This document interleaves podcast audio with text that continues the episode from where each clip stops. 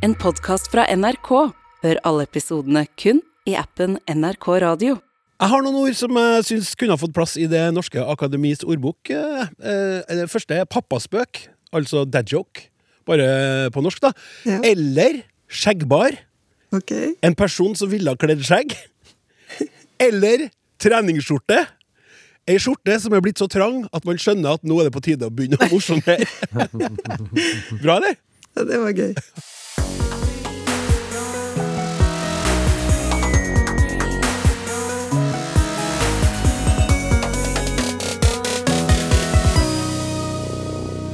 Er det sånn at eh, bruken av sånn har fått sånn eh, voldsom oppsving? Hvordan får man et ord inn i ordboka? Hva er den stilleste stillheten av dem alle? Og sier du hav der du egentlig mener sjø?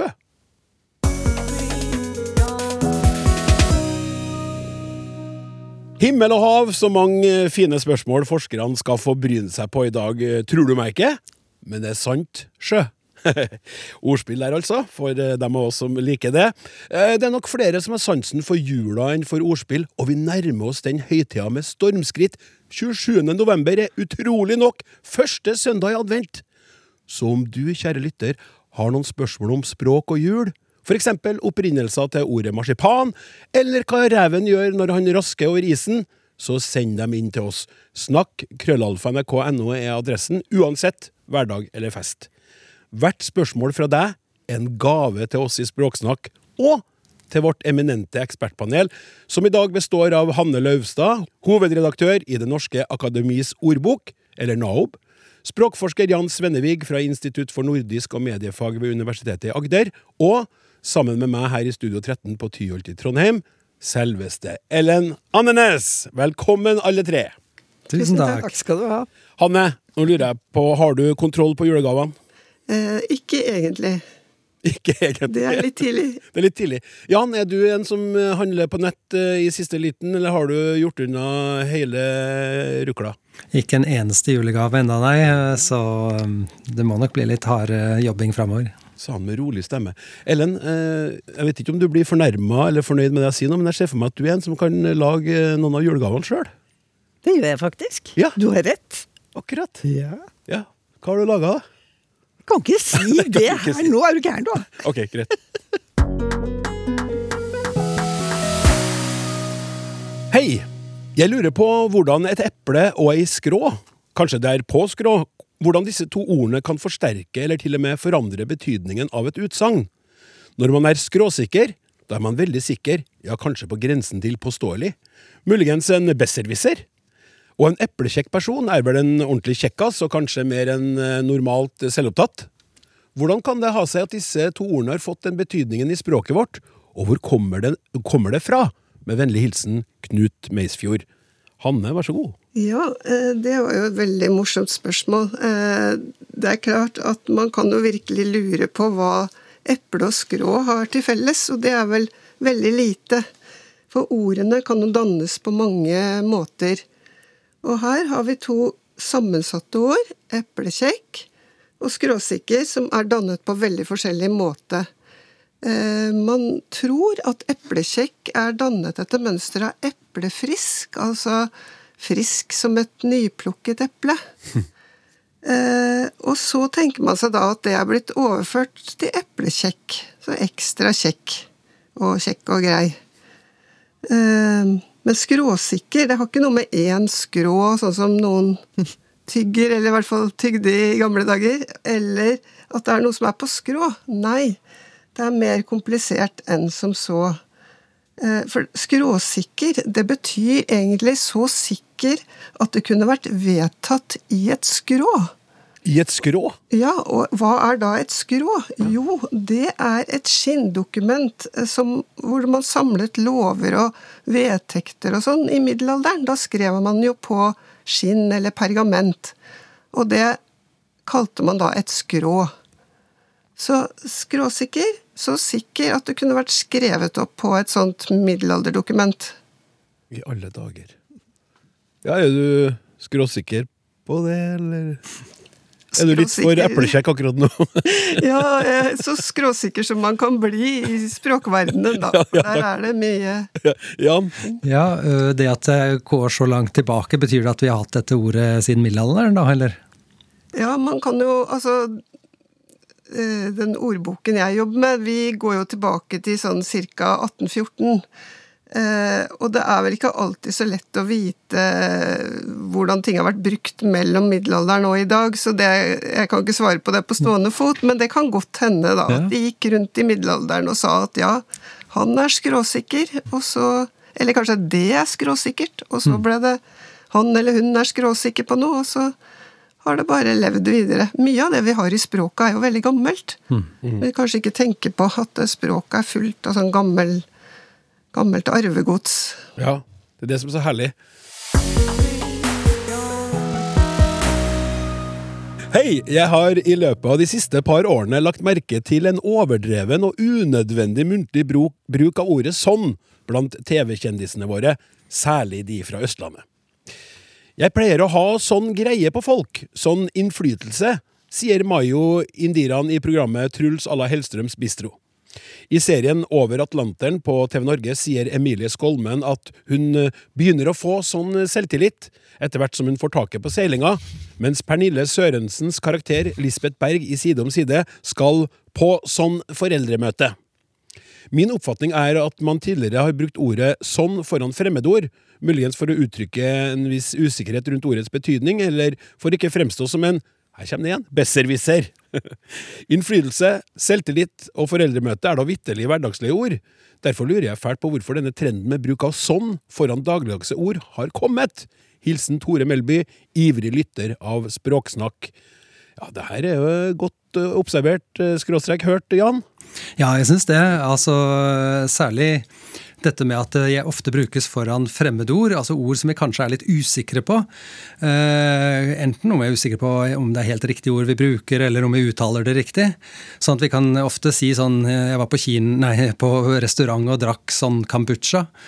Eh, eller han var sånn statsfysikus. Eh, vi har sånne ord som som vi ikke er helt sikre på, ikke sant? så setter vi sånn foran. Eh, Så dette at sånn uttrykker et slags sånn eh, forbehold, en reservasjon, det tror jeg er på en måte kjernen i dette ordet. Og så er det jo litt typisk at uh, man gjerne er litt negativ til sånne ord. For uh, idealet er jo ofte å snakke presist og veldig som en bok, ikke sant. Men jeg uh, er nå litt der at øh, jeg syns vi trenger sånne ord. For vi trenger av og til å sette opp et lite advarselsflagg om at nå øh, bruker jeg et ord som kanskje du ikke helt kjenner fra før, eller som kanskje jeg ikke sier riktig, eller som kanskje ikke er helt på sin plass i denne sammenhengen her. Og det er det dette lille ordet gjør. Vi ser det ofte at det kommer sammen med litt sånn pauser og nøling. Jeg var på en sånn, eh, sånn der, eh, og så legger vi kanskje inn derre, som ytterligere forsinker litt, gir oss litt mer tid til å tenke, og som dermed eh, delvis advarer, men delvis også gir oss tid. Så nøleord kan man jo kalle det, men jeg tenker jo at det gjør mer enn bare å fylle ut nøling. Eh, Det, det er faktisk med på å skape, ta et forbehold og vise en viss reservasjon overfor det ordet vi skal til å bruke. Så øh, jeg, jeg, er enig i det at dette med fremmedord det er et sånn sted der man ofte finner dem.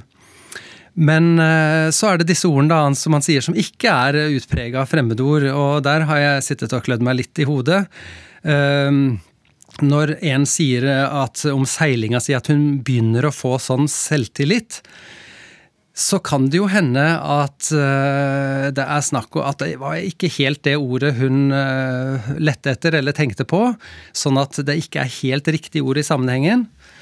Eh, Men kan det også være, Jan, at du sier Vet du, jeg begynte å få sånn selvtillit, altså? Ja. Som i et sånn forsterkende sånn, sånn selvtillit nå? Sånn selvtillit, eh, det er en annen, helt annen bruk, for da legger du noe inn i det. Da er det på en måte påpekende, deiktisk, som sier at på på den måten, en selvtillit som er på den måten der. Og da legger du ofte trykk på det. Jeg fikk sånn selvtillit.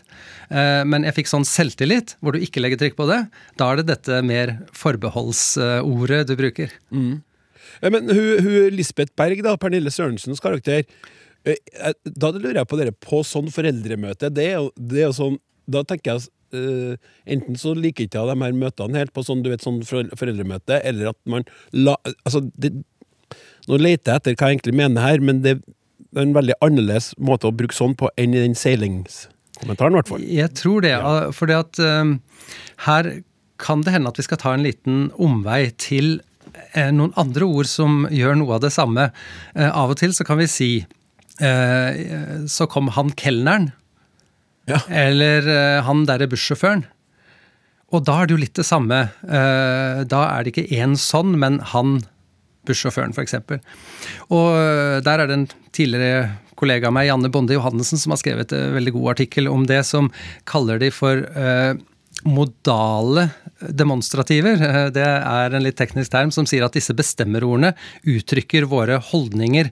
Det modale, vi kjenner modale hjelpeverb, de uttrykker våre holdninger. Du må gå, du bør gå, du skal gå. Som, hvor, hvor vi uttrykker våre holdninger. Og hun sier at eh, sånn og han, kelneren og sånn, dette er, er modale bestemmerord hvor vi uttrykker vår holdning, nemlig en slags sånn psykologisk distanse. Så når du ikke sier 'jeg fikk mat av kelneren', men 'jeg fikk mat av han kelneren', så uttrykker du en viss sånn avstand til han. Og der, ja! ja, ja, på sånn eh, foreldremøte. og da Ja. kommer kanskje Jeg skal på sånn foreldremøte ja. som er ah, dette foreldremøtet er noe herk. Ja. Så du markerer en psykologisk avstand til hva foreldremøtet er. Og det tror jeg altså Janne Bonde Johansen har til og med et eksempel med eh, Hun er ikke helt god, hun mora mi. Og det er klart at da er det ikke snakk om at hun ikke kjenner mora si, eller at hun ikke regner med at kanskje samtalepartneren kjenner mora si, men det er eh, gjennom å markere avstand. Så jeg tror det er noe av kjernen i eh, Jeg skal på sånn foreldremøte. Ja, At det kunne være en sånn dybde i spørsmålet fra Tore Melby, og det syns jeg er stas. Rett og slett. Hvis vi skal ta med en liten kuriositet til, så er det jo at uh, dette her er snakk om partikler. Uh, du snakket om en sånn bil og sånne biler, uh, hvor du bøyer ordet. Men når man bruker det som en sånn partikkel, som en sånn partikkel, så er det ofte at vi ikke bøyer det. For eksempel, det var noen sånn, sånn detektivgreier. Hvor det er i flertall, men du sier ikke sånne detektivgreier. Av og til gjør man det òg, men du kan uh, komme unna med å si det var sånn detektivgreier. Og da eh, bøyer du ikke ordet, og det viser på en måte at det har løsrevet seg fra den eh, vanlige bruken hvor det bøyes, til å bli en partikkel som ofte da blir ubøyelig. Men er det, er det, er det Må jeg bare ha avstand til resten av det jeg holder på å snakke om, for jeg skal spørre om noe jeg ikke har peiling på. Er det du kaller en pragmatisk partikkel? Ja. Endelig! En sånn pragmatisk partikkel, vet du. Ja, du, ja, ja. Jan, er det en sånn pragmatisk partikkel? Det er akkurat det det er. Ja.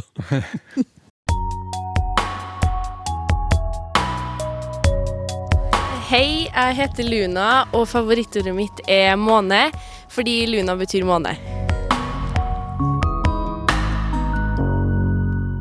Hei, språksnakkere. Jeg hører hver eneste sending og koser meg med det. Jeg undrer meg over et uttrykk som jeg stadig vekk hører i jobbsammenheng. Håper at dere kan utdype og forklare hva som egentlig menes med fot i bakken. Husker tittelen på ei bok av Tor Åge Bringsværd, Den som har begge beina på jorda, står stille. Med én fot i bakken blir det kanskje litt mer fart, men kommer man lengre av den grunn? Hilsen Hilde. Ellen? Ja. Ja. Man kommer kanskje ikke lenger, men man er mer forberedt på å komme lenger.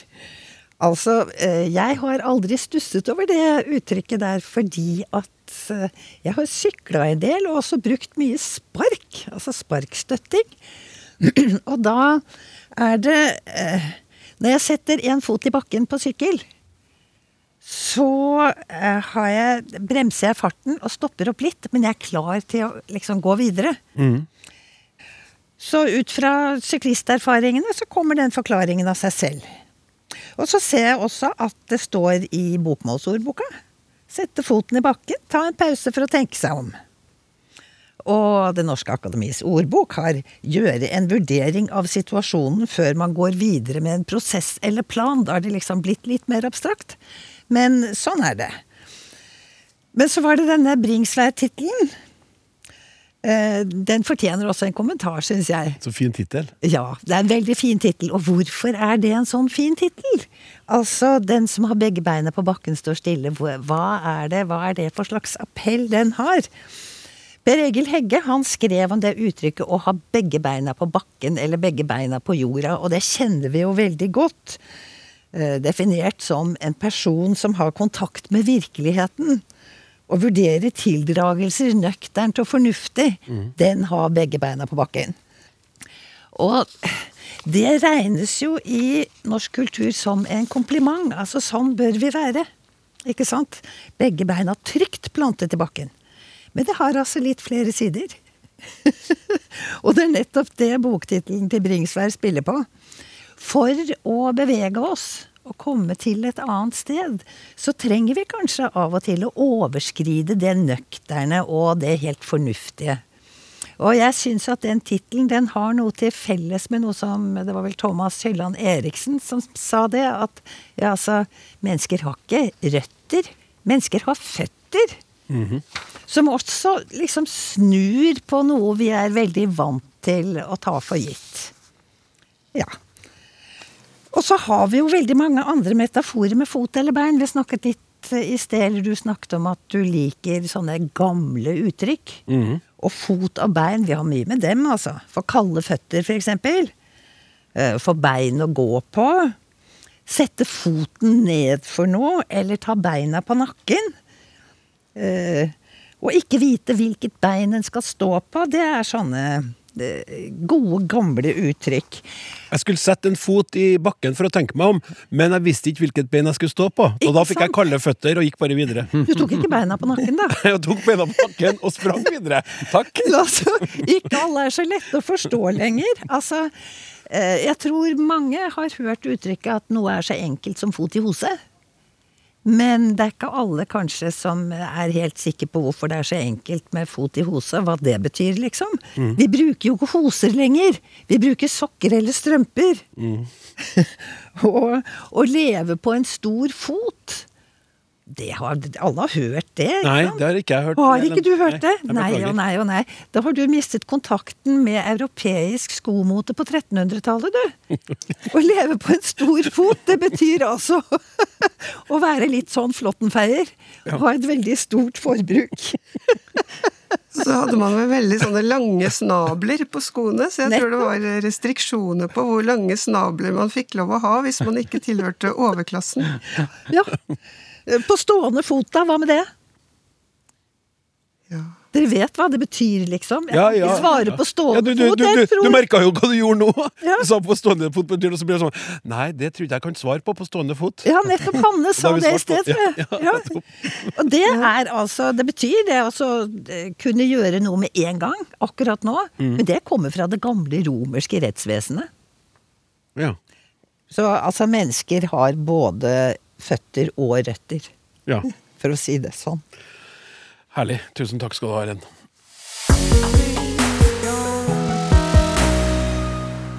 I forrige episode av Språksnakk så var det en lytter som skrev inn og syntes det var så utidig og ufint å bruke ordet vrake om fotballspillere som ikke ble tatt ut på laget. Så jeg får noen innspill fra dere lyttere på det. Vrake en spiller. Jeg har ofte sett andre snillere betegnelser på det å ikke ta ut en spiller på laget, for eksempel benke, sette på benken, hvile, brukt eh, transitivt. Særlig når et lag skal møte et antatt betydelig svakere lag i cupen, av typen manager, manageren hvilte Haaland da Manchester City møtte Oxford United i cupen. Hva du skal si på portugisisk for ikke å krenke Cristiano Ronaldo når han blir hvilt eller benket, er et spørsmål utenfor mitt kompetanseområde, skriver Pål Jensen. Og så har vi fått inn et til. Hei! Søndag 20.11.2022 snakket dere om, om ordet å vrake. Det var vel to aspekter ved ordet som dere ikke var innom. Å vrake tørrfisk og vrake en bil. Å vrake tørrfisk betyr å sortere fisken etter visse kvalitetskriterier. Etter min mening er sportsreporterens bruk av vrake aldeles forbilledlig. Treneren velger ut de spillerne som skal være på laget i en bestemt kamp. Vi er kystfolk, og vrake er da et helt alminnelig norsk ord. Jeg kan absolutt ikke noe om fotball, men kanskje er det slik at om du blir vraka fra en kamp, kan du ha egenskaper som gjør at du blir med neste kamp mot et annet lag. For meg gir det mening. Så har vi å vrake en bil. Da mener jeg at bilen enten er kjørt til vrak, altså totalskada etter en kollisjon, eller levert inn på et mottaksted for biler som skal kondemneres. I begge tilfellene, tilfellene har du vraka bilen. Får håpe at fotballspillere spillere er mer som tørrfisk å regne, og ikke som totalvrak etter laguttaket. Aller beste hilsen fra Harald Riise, viknaværing. Tusen hjertelig takk skal dere ha, begge to. Og vi går videre til et nytt lytterspørsmål. Ordet gibbal. Ja, hvor har jeg det fra? Søkte i Naob. Ingen treff. Jeg var på en feiring i går, og det første jeg tenkte på i morges, var at det var en gibbalfest. Det var et rart ord, tenkte jeg videre. Hvor har jeg det fra? Oppvokst i Trondheim, så er jeg kanskje trøndersk? Et søk videre kom med forklaringen stor, enorm. Ja, absolutt noe stort, men noe mer, føler jeg. Heller noe storslagent. Altså ikke bare stor, men med noe positivt i tillegg. Kan Språksnakk komme med noe glupt her? God søndag! Hilsen Lise. Jeg tenkte det, Hanne, at her kunne vi slå flere fluer i en smekk. Ja. Fordi eh, NAO blir nevnt, altså Det norske akademis ordbok. Og eh, jeg, lurer, jeg lurer jo på hvordan får man et ord inn? Så det, her må vi jo svare på gibbal, vi må finne ut hva gibbal er for noe. Men så har jeg lyst til at vi kan snakke litt om det, om hvordan man får inn et ord i ordboka som du er hovedredaktør for. Kan vi kombinere de her to fluene? Nei, denne smekken på de her to fluene. Det kan vi, ja. Og da kan jeg jo kanskje begynne med å si litt om gibbal, fordi det var veldig morsomt da jeg fikk høre om det spørsmålet. Så fikk jeg jo blod på tann, for å bruke en annen, et annet språklig bilde. Ja. Og undersøkte litt i, i Vi har jo en sånn base i NAOB også over ord som ikke er publisert, og der lå gibbal på vent. Nei! Og da begynte jeg å undersøke litt med dette gibbal. Eh, og da tenkte jeg at jeg har eh, Jeg bor jo i Oslo, og jeg har foreldre fra Oslo. Og jeg er vant til at i Oslo og omegn så er det veldig mange ord som er litt sånn slengprega, som slutter på all. Og de kan selvfølgelig være i bruk andre steder i landet òg. Og vi har jo i Oslo er det sånn som breial, en som er brei, altså som breier seg litt sånn oven, overpå. Og noe kan være gøyalt, og vi har til og med et ord som jekkal. Det er en som jekker seg veldig opp. Han er jekkal. Jekkal har aldri hørt. Det var veldig artig. Og, nei, det heter det i Oslo. Og, eh, og de, alle de der mener man er laget etter mønster av det norrøne ordet atal, og det kjenner i hvert fall jeg fra talemålet mitt. og det er jo jo veldig sånn lei og ekkel og vemmelig. Kan man si, særlig om personer kan man si at han eller hun er avtall. Ja. Og det, det kommer fra norrønt, da. Og, og så lager man nye ord med denne all, da.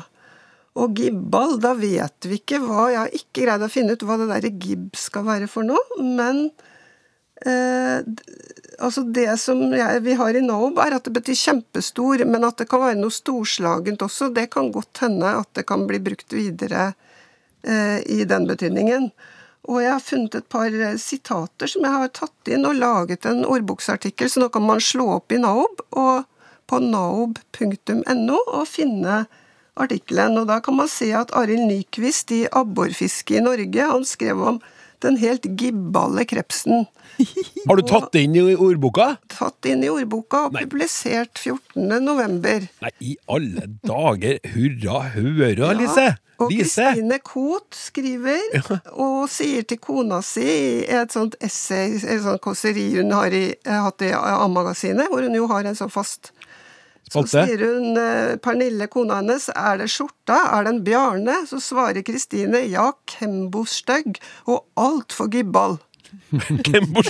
Da ble, da ble jo jeg kjempeglad. Da fikk jeg jo tre nye ord inn i Naub med en gang, med fint sitat. Ja, Da, da, da jeg var barn, så snakka man om personer som at de var yppalle. Ja, yppalle. Og det var jo en som yppa mye, var yppal. Så det er Ja, samme avledningen, da. Jeg så en gang et intervju med en dame som var vokst opp i Oslo på 50-tallet, og som, som var skuespiller, og som sa det at dessverre, i den Marilyn-perioden, så var ikke hun selv så veldig puppal. Nei, nemlig. Så det, det er i hvert fall en veldig produktiv måte å lage ord på, da. Ja. Men apropos det med, med ord eh, som kommer inn i, de her, eh, kommer inn i NAB, sitter jo ved siden av et, eh, et vaskeekte, lyst levende menneske som har fått inn opptil flere ord i denne ordboka som han er hovedredaktør for. Ellen Andenes. Og se nå sitte og briske seg! Briske seg! Så stolt, så stolt! Ja, det her skal ha vært på TV-en, men vi er radio, så jeg måtte beskrive det. Ellen, fortell. Hva, hva, har, du, hva har du gjort for å få ord inn i ordboka? Hva, hva går man frem? Altså, det er jo mye enklere enn man tror. I hvert fall når det gjelder Den Norske Akademis ordbok. For der er interessen stor. Det eh, må jeg si var mitt inntrykk. Det var rett og slett sånn Det var vel i fjor jul, tror jeg. For da var det noe snakk om Skrives Heter det strul eller strøll? Det er en kaketype, da. Ja. Forferdelig vanskelig å lage, men jeg har en venninne som kan. Og så slo jeg etter i Naob, og så sto det ikke der. Ja, det var jo rystende. Så da ble jo den lokale kvinneforeningen veldig med seg.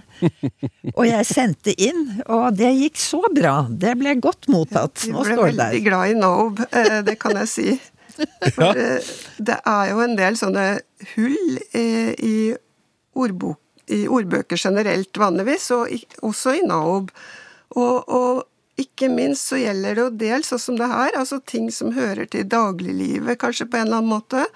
Ting som hører til kvinners eh, virksomhet opp gjennom tidene, som vel baking tradisjonelt har vært. Nå er det sikkert en del menn der ute som baker strull òg.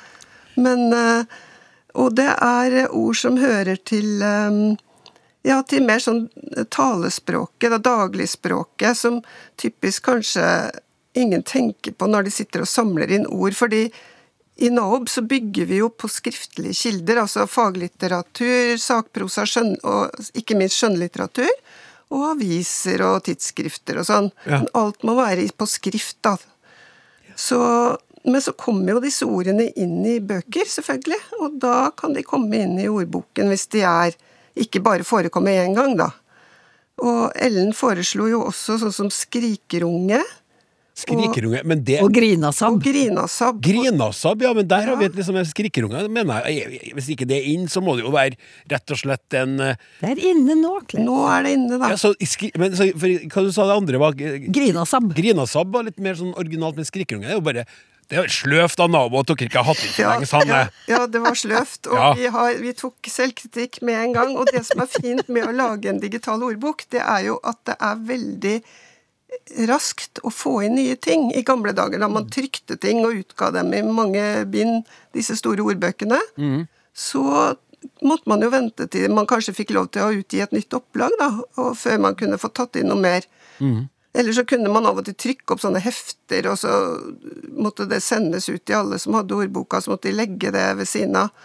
Men vi kan jo da hele tiden eh, både legge til nye ting, og vi kan rette det, det er jo feil her og der som vi kan få rettet opp. Og, så vi er veldig glad for alle henvendelser vi får eh, til redaksjonen krøllalfa naob.no. Å, hallo i luken. Ja. Men, men så er det ikke fullt så enkelt heller, for det er ikke bare å sende inn. Jeg sendt, et av ordene jeg sendte inn, det kom nemlig ikke inn ennå. Nei. ikke ennå. Og det var dongel. Ja. Dongel. Ja. Og Oi, så Ja. Anne kan fortelle om det. ja. Ja, eller jeg, kan ikke fortelle så mye om det, dessverre, annet enn at det er fra engelsk dongle. Altså dong, dongle skrives det på engelsk, med O. Og eh, det problemet der er at det er veldig vanskelig å få definert, altså forklart ordet i ordboken. For noen ganger viser det til Det viser altså til ting som gjelder IT. Så langt har jeg kommet. Og jeg er jo filolog og språkmenneske, så jeg er ikke ekspert på IT. Eh, Men det kan brukes både om apper og sånne mer sånn programvareting, og så kan det brukes som gjenstander. Så, så det, grunnen til at det fortsatt ligger på vent, Ellen, det er at eh, jeg må rett og slett drive og forske litt rundt omkring for å finne ut hvordan jeg skal forklare det, og er det to forskjellige betydninger, osv. Men det kommer nok inn etter hvert. Ja, men nå, nå, var det, nå skjedde to ting samtidig her. Så nå, var det- nå var det krevende for en mannlig programleder å, å, å, å holde, holde hodet kaldt. Først så var det sånn at tekniker Martin han holdt opp en, en, en dongel. Altså han holdt opp akkurat når du sa han det. Så, okay. ja, eh, bak din rygg, skulle jeg til å si. Og så var det samtidig tegna Jan seg for en kommentar! Men det er klart å håndtere begge deler nå. Vær så god, Jeg Jan. Dette blir nyttig. Det er interessant det du sier der, Hanne, om uh, muntlig språk. For nå snakket vi akkurat om ordet sånn, ikke sant. Mm. Og uh, når man går til skriftlige kilder, så er jo gjerne sånne ord redigert bort. Uh, og det er jo alltid et problem. Jeg leser alltid ordbøker når jeg skal se på sånne pragmatiske partikler som jeg forsker på. Og da finner jeg jo mange interessante ting, og det er fordi dere bruker skuespill. Ja. Og i skuespill så er det jo mye eh, muntligaktig språk. Men selv sånne ord som sånn og sånn kan jo ofte være redigert bort i eh, skuespill. Ja. Siste jeg skulle se på nå, var eh, den partikkelen å, som vi av og til hvis noen sier noe vi ikke forstår, sier vi å.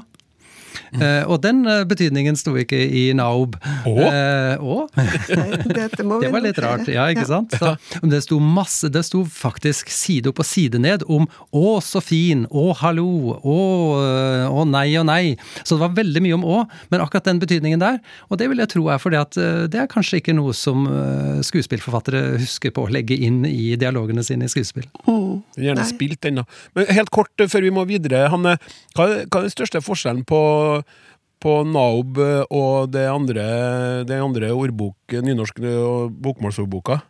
Ehm, det er jo at de er rettskrivningsordbøker som er liksom mer kortfatta. De, altså de viser hvordan ordene skrives og bøyes, og så, de, og så sier de hva de betyr, og så har de med noen uttrykk. Mm. Mens Naob er det vi kaller en dokumentasjonsordbok. Det er en, en ordbok som mer beskriver språket, og så er det en historisk ordbok som beskriver språket fra sånn begynnelsen av 1800-tallet til i dag, da. Og, og, da, vi har med veldig mye rart, for å si det sånn. Og, vel, og vi har også masse litterære sitater som viser, sånn som Jan nevnte, hvordan ordene er brukt av forskjellige forfattere opp gjennom tidene og også i aviser og sånn. Og så har vi med ordhistorie. Så vi sier litt sånn som eplekjekk og skråsikker hva, hva det kommer av. Mm. Og så sier vi litt ja, øh, vi har jo veiledende litt om uttale. Det er jo ikke normert i Norge, men det er mer en sånn anbefaling, da. Um, ja, og så sier vi litt om stilnivåer og sånn. Ja. Uh, er dette her uh, noe foreldet? Er det sjelden? Er det typisk dagligspråk, eller sånne ja, ting? Skjønner. Det er jo to sånne ord som vi har uh, tatt uh, merka oss her. Det ene var jo Trine Skei Grande, som skrev på, på Facebook, faktisk. Hun kalte seg sjøl bestetante. Som ja. var et sånt artig hun, nytt ord. Hun skrev til oss også, kan ja, jeg kanskje røpe. Jeg vet ikke om det er Nei, det, det, må nå, det, må nå, være lov å si. Det, det er ikke noe statshemmelighet. Akkurat Veldig fint ord. og veldig koselig. Eh, og, og, for det er jo typisk sånt ord som hører til Unnskyld, i talesp Kanskje mer sånn ta, muntlige eller sånn mm. uformelle settinger, da. At uh, folk skriver i avisene 'Gratulerer med dagen, kjære bestetante'. 'Gratulerer med dagen, uh, lille venn. Hilsen bestetante', og sånn. Mm. Og det er ikke så mye sånn som Du finner jo hos Ibsen, liksom, men uh, Men Kanskje etter hvert i nyere bøker, da? Kanskje nye, ja, sånn moderne romaner? Det kan godt hende. Og da og, dukker det plutselig opp på Naob? Ja, og det har kommet inn i nå, Ah, for da det... viste det seg at det var jo ganske mye brukt ja. i aviser og sånn. Ja. Og, og så, var... Jeg må bare skyte inn etter Unnskyld, jeg beklager, jeg må være ja. litt sånn Dagsnytt 18-programleder nå. Uh, fordi vi har også fått inn fra Trond Berg, han skriver uh, Katrine Bruvoll på NRKs sjakksending 29.10. Jeg ble oppsiktsvekka. I betydningen overrasket, men med en nyanse. Hennes subjektive reaksjon på noe oppsiktsvekkende. Det skal jeg begynne å bruke, skriver Trond Berg. Og det er et artig ord. Oppsiktsvekka. Ja, det er artig, men da vil jeg også bare si det at det holder ikke at én eller to personer bruker et nettopp, ord. Nettopp. Så det må brukes mye, og det må inn i skrift før det kan komme inn i NOB, da. Det er notert. Tusen takk.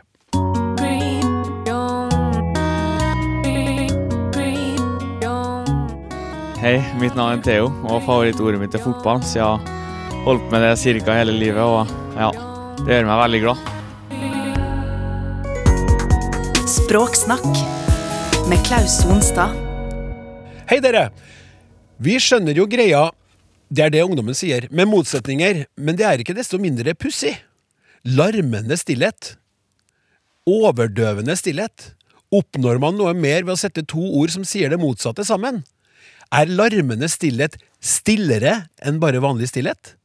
Og hva er enda stillere enn overdøvende stillhet? Skrikende stillhet? Hylende? Hilsen Knut F.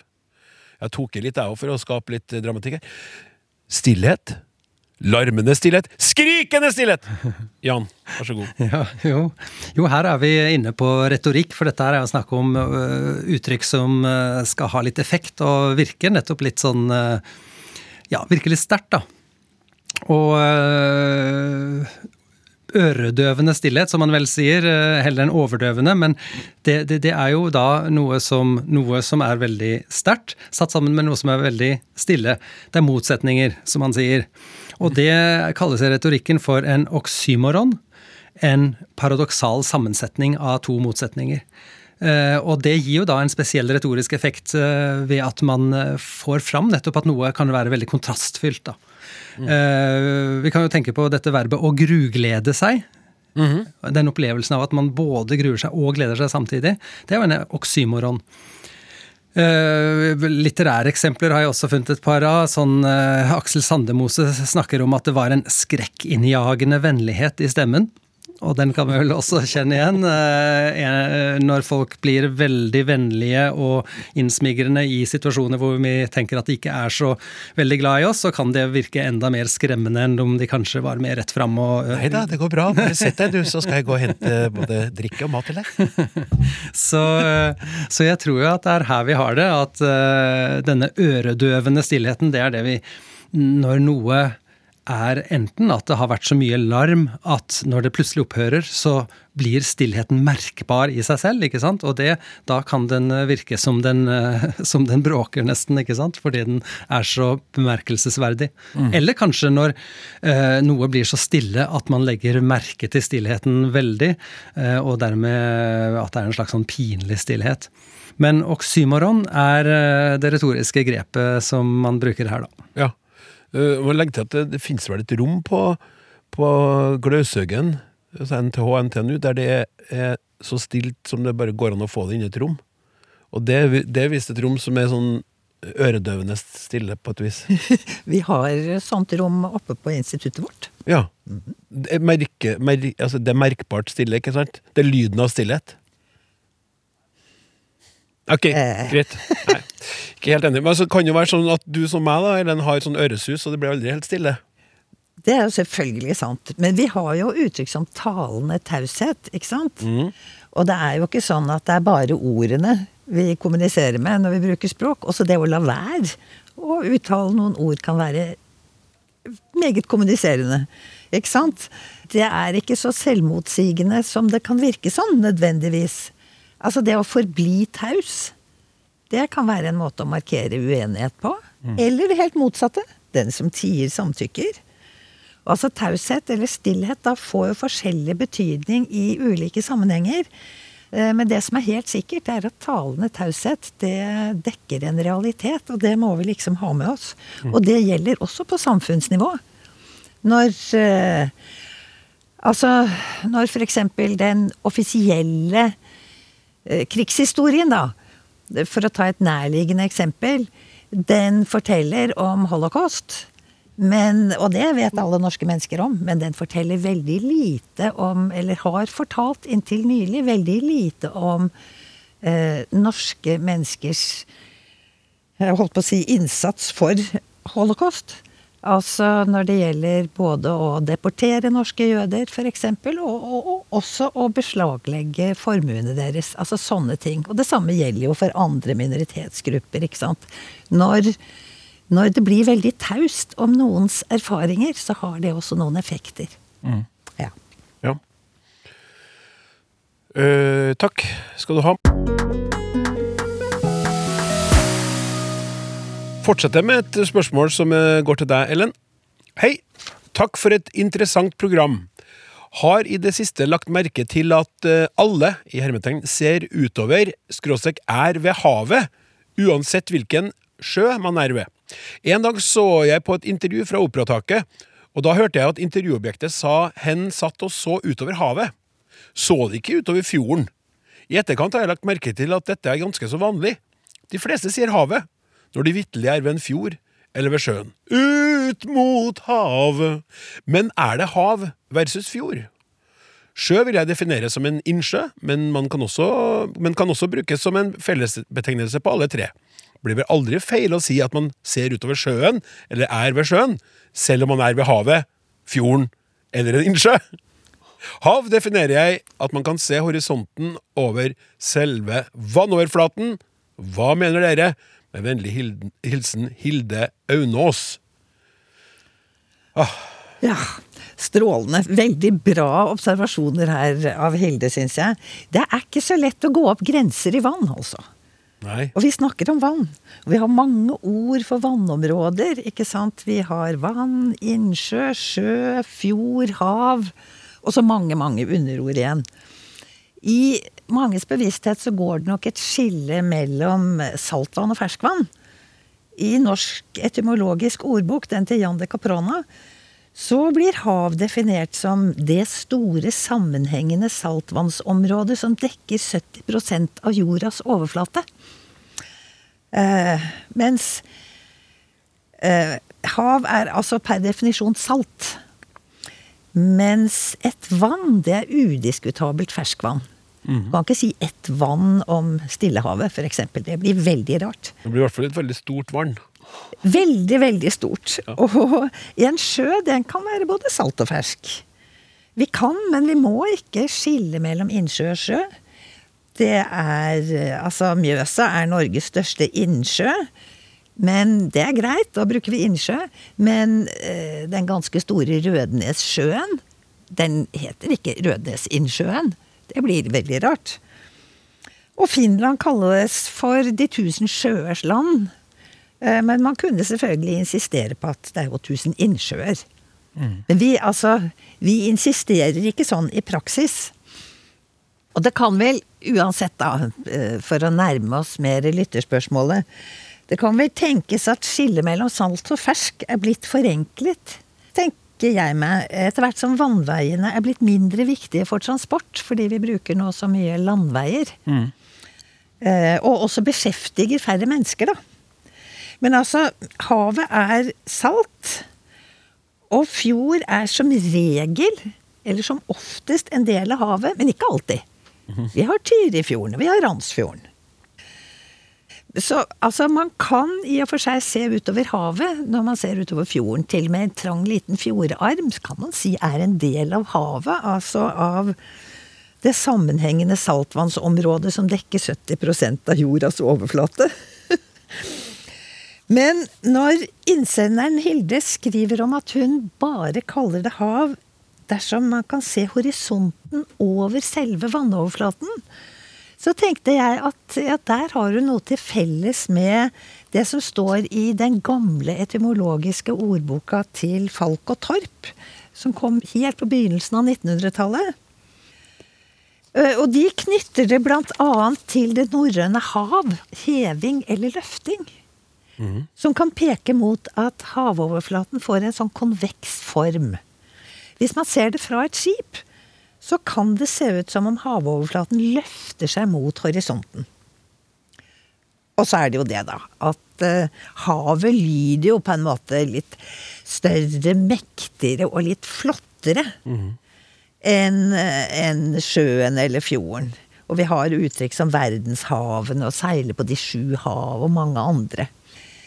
Men altså, det blir veldig vanskelig å snakke om rett eller galt her, syns jeg. Men er du enig i det med sjøen, at, eh, at den kan brukes det, det, det kan bruke, Jeg ser, ser ut mot sjøen, sjøen og sjøen. Ja, Ja. sjø kan man bruke om Ja. det meste, altså. Bortsett fra i sangen til Rune Rudberg. Ut mot sjøen! Det blir ikke det samme.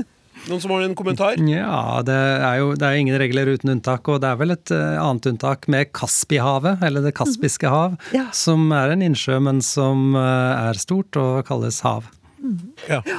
Eh, vi som driver med å forklare ord i ordboken, vi ser jo ofte det at ord kan ha videre eller snevrere betydninger. Og ja, kan, kan, ting kan utvikle seg, og, og det kan brukes forskjellig i forskjellig sammenheng. Så, så det er ikke noe sånn streng fasit på rett og galt. Språket ja, både kan bety mange forskjellige ting, og det er i utvikling og forandring. Og vi skal over til et spørsmål som eh, knyttes til Det norske akademis ordbok sitt nettsted. Hei!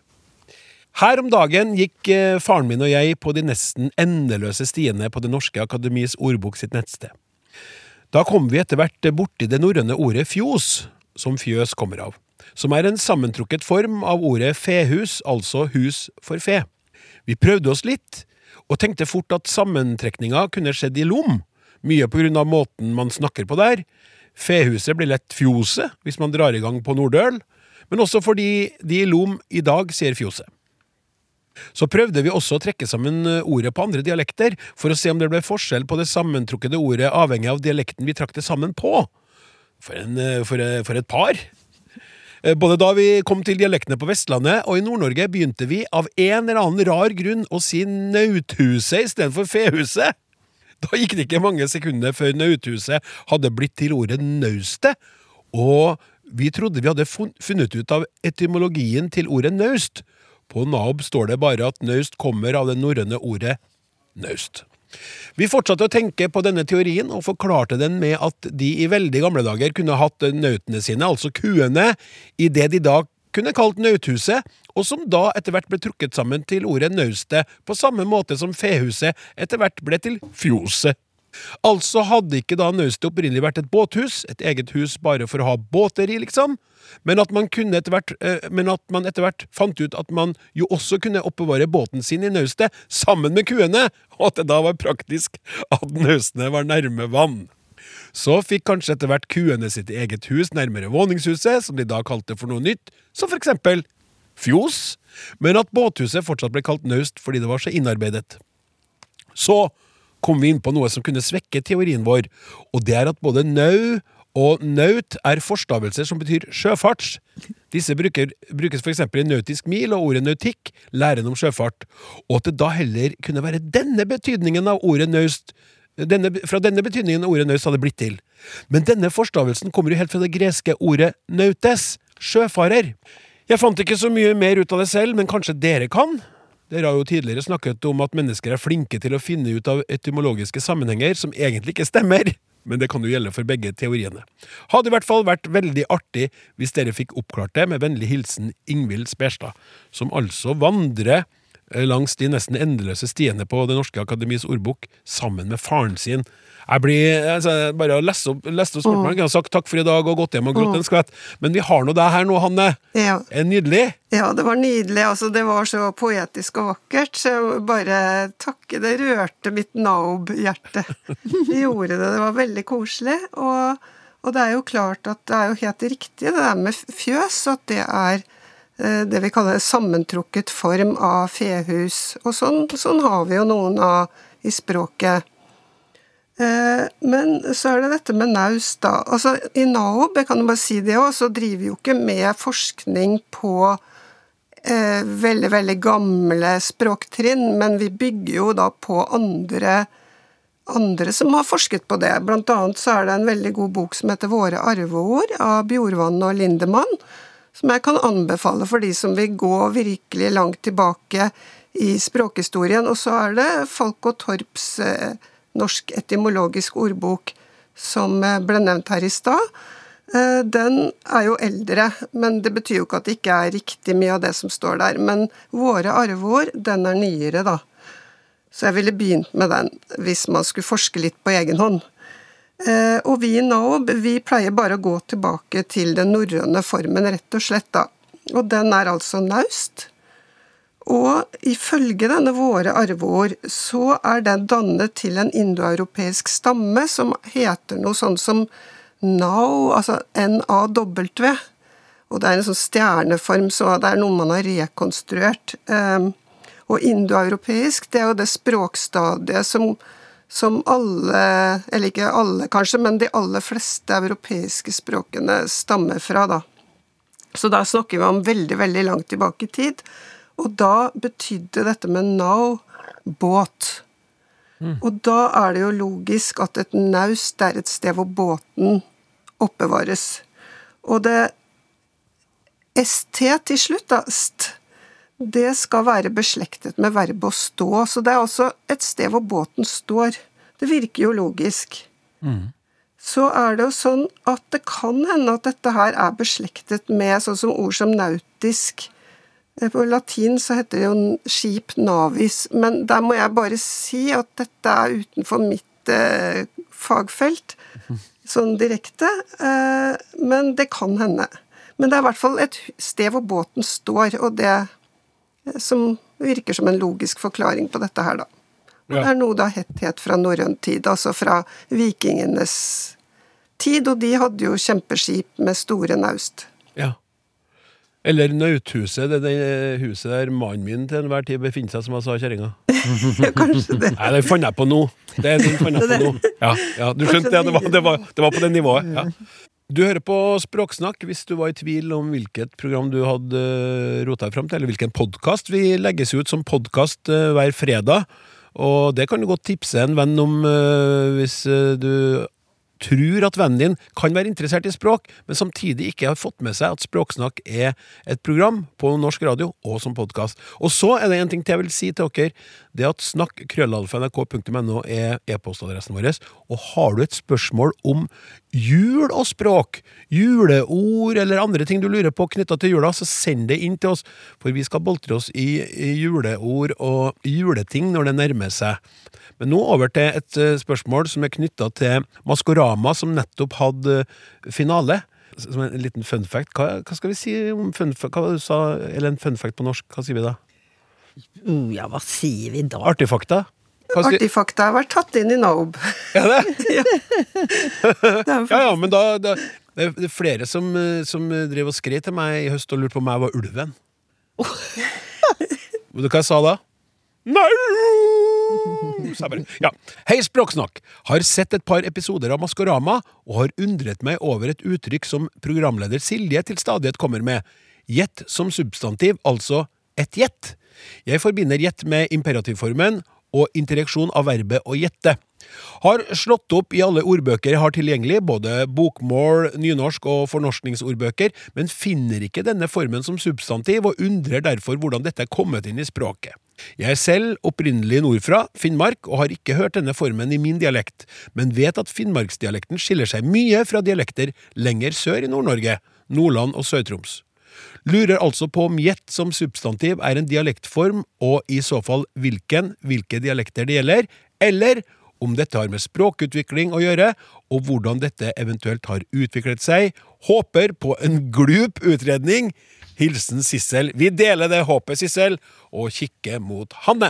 Ja, eh, nå er det sånn at Jet faktisk også står i NAOB. Og etter at vi, jeg fikk høre om dette spørsmålet, så har det også kommet inn et sitateksempel til det. Det er jo sånn at eh, ord kan dannes på mange måter, som jeg sa i stad. Og det er ikke så uvanlig at man lager ord av stammen av verbet, altså å gjette. Og så ett gjett. Det er blitt så populært på møter f.eks. at man snakker om benstrekk, og da skal man gå ut og strekke på bena sine. Og vi som strikker mye, vi vet at man har begynt å snakke om strikk, i betydning det å strikke, og, og noe som er strikket. Eh, Når det gjelder et gjett, da, så er det ganske nytt, og det hører kanskje typisk til talespråket eller mer uformell språkbruk. Eh, Mens gjetning, eh, som også betyr det å gjette, da, det er mer vanlig i skriftspråket tradisjonelt. En gjetning. Ja. Og Det, det ville nok ikke Silje si i Maskorama, at nå kommer dere med flere gjetninger, nå kan dere komme med gjetninger. Ikke sant? Så dette er mer uformelt. Ja. Og det er en helt sånn normal måte å lage nye ord på. Det er ikke spesielt knyttet til dialekter, men, men sånn som man kan lage ord, da. Men det med den, den muntlige For det er jo litt interessant. Jeg, jeg, jeg føler at jeg gjentar meg sjøl når jeg sier det her, og det gjør jeg nok òg. Men det er først da jeg, da ble programmet deres Språksnakk, at jeg ble klar over denne, her, dette skillet mellom talespråk og skriftspråk, som dere er opptatt av, ikke sant? Så alle som forsker på språk, og det er jo viktig òg. Og så er det jo da sånn at etter hvert som eh, ord, nye ord eller nye måter å si ting på kommer inn i det, det talte språket, så går det en viss tid, så dukker det opp i, i litteratur og, og dramatikk og sånn. Mm. Da har det bevega seg over til det skriftlige. Og da er det interessant for alle som driver og samler på ord og setter dem i oversikt, f.eks. på et nettsted, la oss si naob.no. Mm. Ja. Ja, i hvert fall en ordbok som Naob som, som bygger på eh, tekster, da, som bygger på Det er en skriftspråksbasert ordbok, kan vi si. En litt såkalt litterær ordbok. Litterær i vid forstand, da, all slags skrevne tekster. Ja. Mens man kan jo ha ordbøker over dialekter og talespråk og sånn. Direkte òg, ikke sant? ja. Men, men, men Naob er ikke det, da. Men det er jo ikke noe vanntette skott mellom skrift og talespråk. sånn at det, ting som du sier, så kommer jo ting fra talespråket etter hvert. Ofte inn i skriftspråket. I skjønnlitteratur, i aviser. Ja, men jeg, glemte å spørre deg i sted om det Har, har du noen gang meldt inn et ord til Naob? Jeg? Nei. Ja, Jan? Nei, jeg, jeg er ikke det. Nei. Det er for at jeg tar dem jo bare rett inn. Ja, Det ja. er bare å melde inn, Jan. Ellen? Jeg må bare minne om at vi snakket lenge før vi begynte å skrive, altså. Ja. Og alt det som fins i skrift, det har vært i tale først. Ja. På en eller annen måte. Mm, Ja. ja, godt poeng. det er helt sikkert. Ja. Og det er jo også sånn at ting blir ofte annerledes eh, når det kommer i skrift. For sånn som Jan snakker om, dette med sånn, og at talespråket har mange andre virkemidler. da, Når man skriver kan man sette ting i anførselstegn og, og sette punktum og sånn. Det kan man jo ikke når man snakker. Det er for øvrig en av mine favoritt-Friends-episoder der en Joey driver og bruker anførselstegn helt feil. Han setter anførselstegn på nesten alt han sier, for han har nettopp lært seg å bruke det. Ja. Nå så det ut som du skulle si noe, så kikket jeg bort på deg, og så stoppet du opp. Ja. Jeg, jeg stusset litt over det Hanne sa. Hun sa at Eller du sa, Hanne, at vi kan jo ikke sette punktum i tale, men det er jo omvendt. Altså punktum, komma, semikolon, alt det der. Det er jo noe Ja, vi har jo. funnet opp. Ja. Sånn at skriften skal bli mer forståelig og mer talelik. Ja, det er jo sant. Det var litt sleivete sagt av meg. Det er lett, Det- det lett å si det. Ja, men samtidig så er det sånn når vi snakker, så, så er det jo en strøm av ord som Jeg kan i hvert fall huske som barn at jeg ikke alltid forsto hvor grensene mellom ord gikk. Da jeg var helt liten. Og det er jo noe du lærer deg som eh, Når du lærer å lese, så, så, så må plutselig ting deles opp i kanskje litt overraskende enheter, da. Ja. Ja, kjære alle sammen. Språksnakk er sånn eh, straks i mål. Tusen takk til ekspertene Hanne Laustad, Jan Svennevig og Ellen Andenes. Tekniker Martin Våge, produsent Hille Håbjørg og jeg, Klaus Sonstad, takker for oss. Vi snakkes!